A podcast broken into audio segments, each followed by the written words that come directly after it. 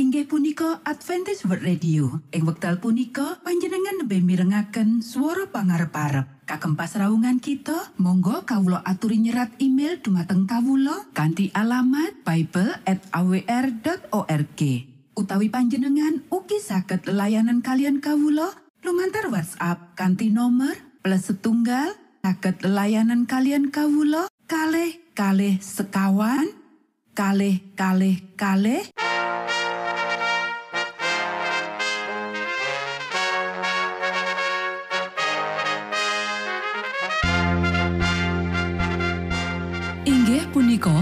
Adventist World Radio ingkang giaran kanti basa Jawi. Tentrem Rahayu kula aturaken kagem para mitra kinasih ing pundi papan lan panggonan. Sugeng pepanggian malih kalian Adventist World Radio. Kanti bingahing manah Kulo badi sesarengan kalian poro mitra kinasi. Lumantar saperangan adicara ingkang sampun rinonci. Mligi kagem panjenengan sami. Mugi giaran punika saged migunani tuwin dados berkah kagem kita sedoyo. Sugeng midhangetaken Gusti amberkahi.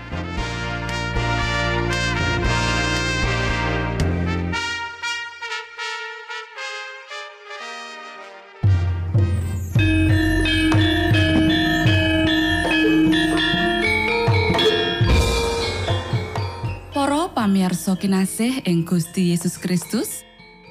Ing wekdal punika, kita badhe sesarengan ing adicara ruang kesehatan. Ingkang saestu migunani kagem panjenengan saha kita sami. Tips utawi pitedah ingkang dipun aturaken ing program punika tetales dawuhipun Gusti ingkang dipunnyatakaken ing kitab suci. Semanten ugi sakehing seratan ingkang dipun wangsitaken dening Gusti Allah. Nanging saderengipun, monggo kita sami midhangetaken kidung pujian.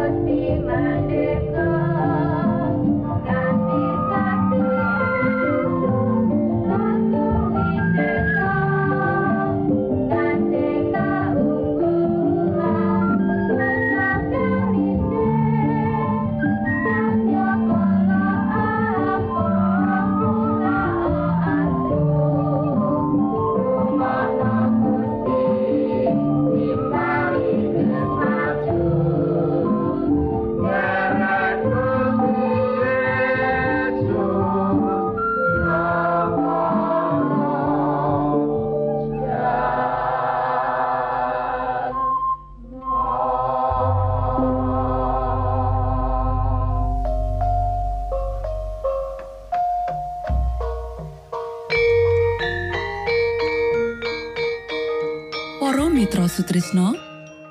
Puji syukur dumateng Gusti ingkang murbeng dumati ingkang sampun kepareng paring wewenngan kagem kita. Satemah saged nglajengaken ruang kesehatan. Pirembakan kita semangke kanthi irah-irahan. Ilmu kesehatan ing kalangan bangsa Israel perangan kabungahan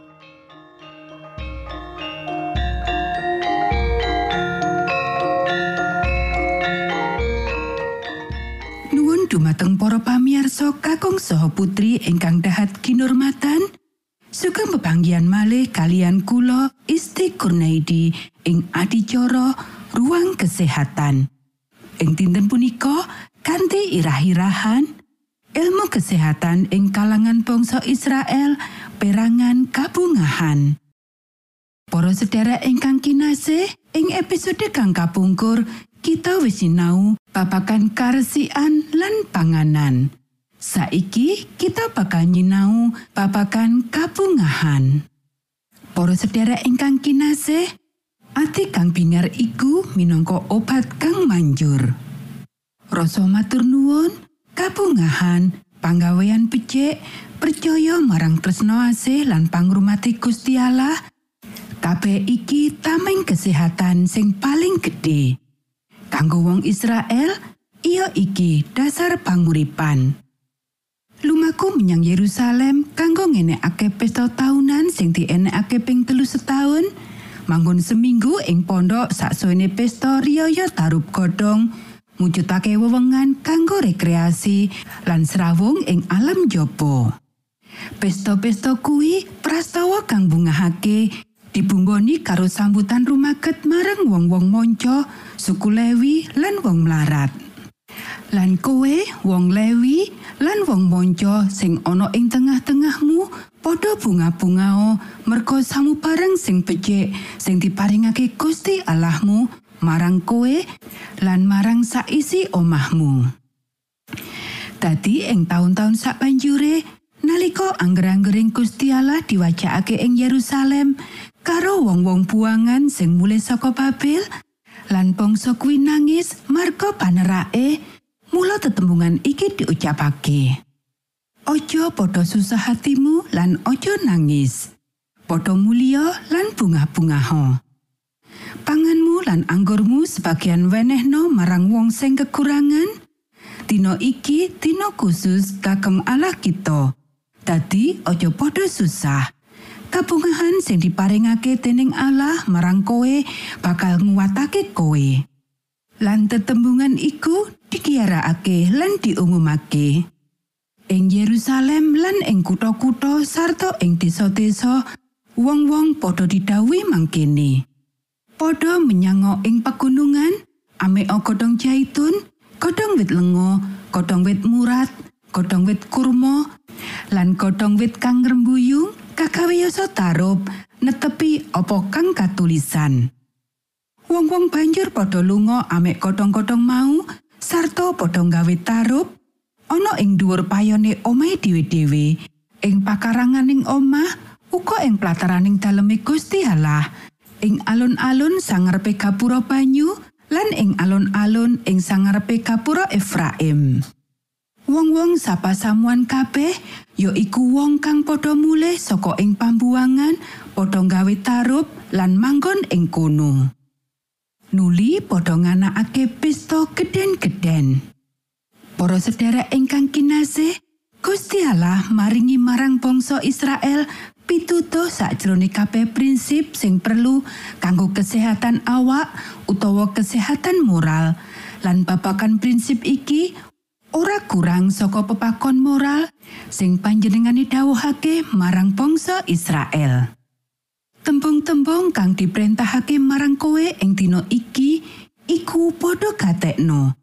lan padha wulangno bola bali marang anak-anakmu lan rembuken samongso kowe padha lungguhan ana ing omahmu samongso kowe pinuju lelungan lan samongso lagi turun utawa samongso kowe tangi sarta maneh padha talenono ing tanganmu minangka pratandha lan dadi tenger pangiling-iling ana ing bathukmu apa dene padha tulisono ing pipining lawange omahmu lan ing gapuramu. Ing tembe menawa anakmu takon marang kowe menggah pepenget saha katetepan tuwin pranatan ingkang kadhawuhaken dening Pangeran Yehuwa Gusti Allah kita dateng panjenengan punika kados pundi? Nuli anakmu mau wangsulana kita padha didhawuhi dening Sang Yehuwa Gusti Allah kita supaya nglakoni sakai katetepan iku lan supaya padha wedi asih marang Pangeran Yehuwa Gusti Allah kita supaya kita tansah slamet lan supaya kita dilestarekake urip kaya ing dina iki.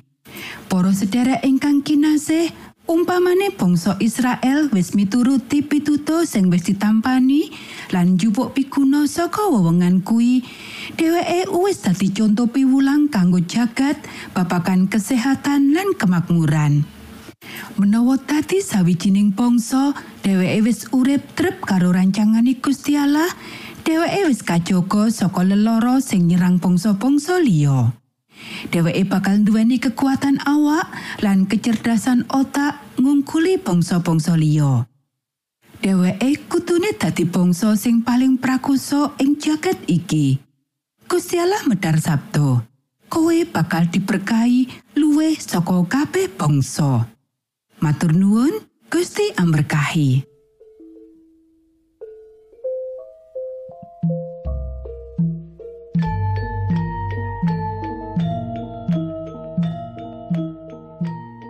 Cekap semanten pimbakan ruang kesehatan ing episode dinten punika. Ugi sampun kuatos jalaran kita badhe pinanggih malih ing episode sak lajengipun.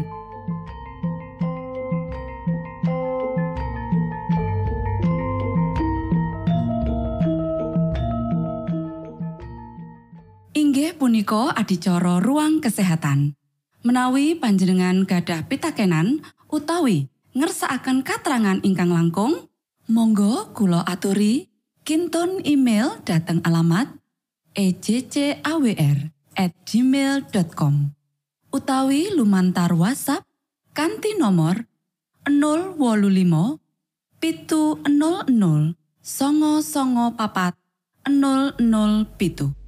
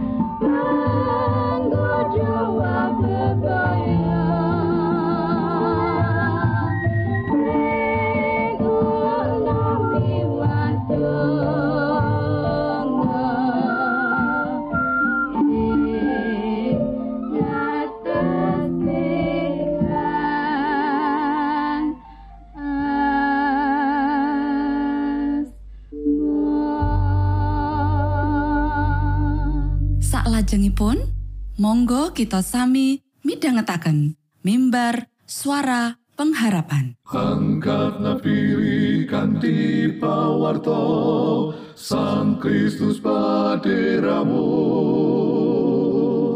Pro umat samyo puji asmanyo Sang Kristus paderamu Inggih punika mimbar suara pengharapan.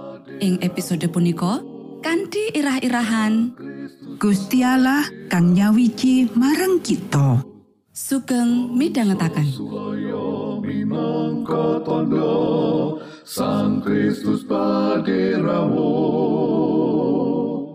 Ilmu kawero tambah tambah Sang Kristus paderamu Paderamu Paderamu Sang Kristus paderamu Shalom. Para pamirsa ingkang kinasih wonten ing Gusti, sakmenika kita badhe mitangetaken renungan Sabda pangandikanipun Gusti. Ing dinten punika kanthi irah-irahan Gusti Allah kang nyawiji marang kita. Para sedherek ingkang kinasih, prajanjen lawas nuduhake carane Sang Pangripta wiwit nandukake rencanane lumantar wong sing mestine makili sifat lan tujuanipun kanggo jaket iki. Samu barang kang wis dikarsani dening Gusti Allah kuwi laras karo strategi misi Gusti Allah piyambak. Lumantar Nabi Yesaya, Gusti Allah ngendika, Sira padha ngelingono lelakon-lakon biyen kang wis kedadean dek jaman kuno. Menawa iya ingsun iki Allah lan ora ana liyane. Ingsun iki Allah lan ora ana kang kaya ingsun. Kang paring sumurup piwit ing sakawit, prakara kang ing tembe bakal kelakon. Lan wiwit ing jaman kuno apa kang durung kelakon kang ngendika putusaning sun bakal tumindak tuwin sakai karsaning sun bakal kelakon. Yesaya pasal petang ayat songo lan 10 nanging ing kitab prajanjian anyar kelangenaning Gusti Allah kanggo nunggil karo menungso dinyatakake ing dimensi anyar. Lumantar pawujudan Sang Kristus Apa sing sadurunge minangka prasetyo ing Taman Eden saiki dadi kasunyatan. Ayo diwaca ing kitab Matius pasal siji ayat wolulas nganti telulikur babagan miyose Gusti Yesus. Apa perkara-perkara wigati sing diceritakake babagan Gusti Allah ing cerita iki? Gusti Allah nunggil karo kita. Immanuel. Sadurunge Gusti Allah tetalem ana ing antarane umate ing pedaleman suci. Saiki panjenengane tetalem ana ing antarane wong-wong mau kanthi jasmani ing pribadine Gusti Yesus Kristus saka Nazaret. Panjen kanthi miyosipun Gusti Yesus, Gusti Allah mratelakake kanthi cara nyata kelangenanipun tansah nunggil kalian kita wonten ing sifat lan misi. Putraning Allah ingkang manungsa sejati lan Gusti Allah sejati lan panjenengane iku kang negesake. Aku iki dalane sarta jatine kayekten lan kauripan. Ora ana wong siji-siji kang bisa sowan marang Sang Rama menawa ora metu ing aku. Yohanan pasal 14 ayat 6. Para sedherek ingkang kinasih, Saiki ayo diwaca ing kitab Yohanan pasal siji ayat 14 nganti wolulas. Apa sing bisa panjenengan sinaoni saka pawujudan Sang Kristus sing ana gandeng rentenge karo misi Allah kanggo kita? Para sederek, Gusti Allah lumaku maju karo misine lan banjur lumantar saka Gusti Yesus kang dadi daging ing antarane para putra-putranipun. Panjenengane putrane ontang-anting Sang Rama kang kapenuan ing sih rahmat lan kayekten. Yukanan pasal siji ayat 14. Kang genepi pameco-pameco prajanjen lawas kang laras karo rancangane Gusti Allah kang nunggil karo kita. Allah ing daleme daging. Allah saka misi kuwi kang tansah numindak gawe ngrampungi tujuane Gusti Allah. Para sedherek ingkang kinasih, ayo padha dipikirake pangerten saka sih katresnaning Gusti Allah kang gedhe satemah Gusti Allah kersa rawuh marang kita ing kamanungsan kita. Kepiye kita kudu nanggepi katresnan iki kanthi pribadi sakjroning sesrawungan karo misi marang pepadha kita. Monggo kita sami ndedonga. Duh Rama kawula ingkang wonten ing swarga, asma patuko mugi kasucikaken. Kraton patuko mugi rawuh. Karso patuko mugi kalampahan wonten ing bumi kados dene wonten ing swarga. Kawula mugi kaparingan rejeki kawula sak cekapipun ing dinten punika. Saha patuko mugi ngapunten kalepatan kawula kados dene kawula inggih ngapunteni tetiang ingkang kalepatan dhateng kawula. Punapa dene kawula mugi sampun ngantos katandukaken dhateng ing panggoda. Nanging mugi sami patuko uwalaken saking piawon. Awit dene patuko ingkang kagungan kraton saha wisesa tuwin kamulyan salami laminipun. Amin.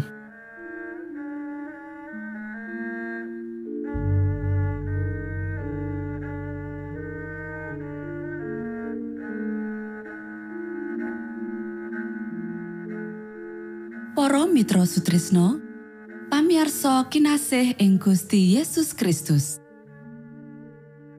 Sampun paripurno pasamuan kita ing dinten punika.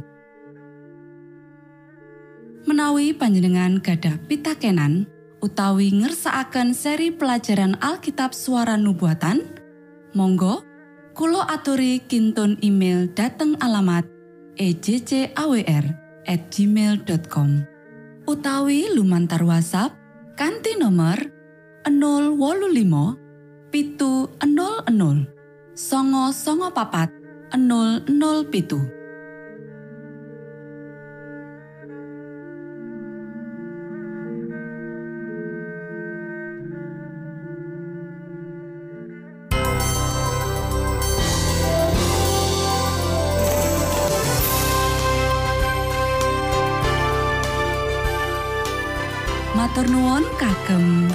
wektalipun kita badhe pinanggih malih ing gelombang ugi wekdal ingkang sami. Saking studio kula ngaturaken tentrem rahayu. Gusti amberkahi kita sedaya. Maranatha.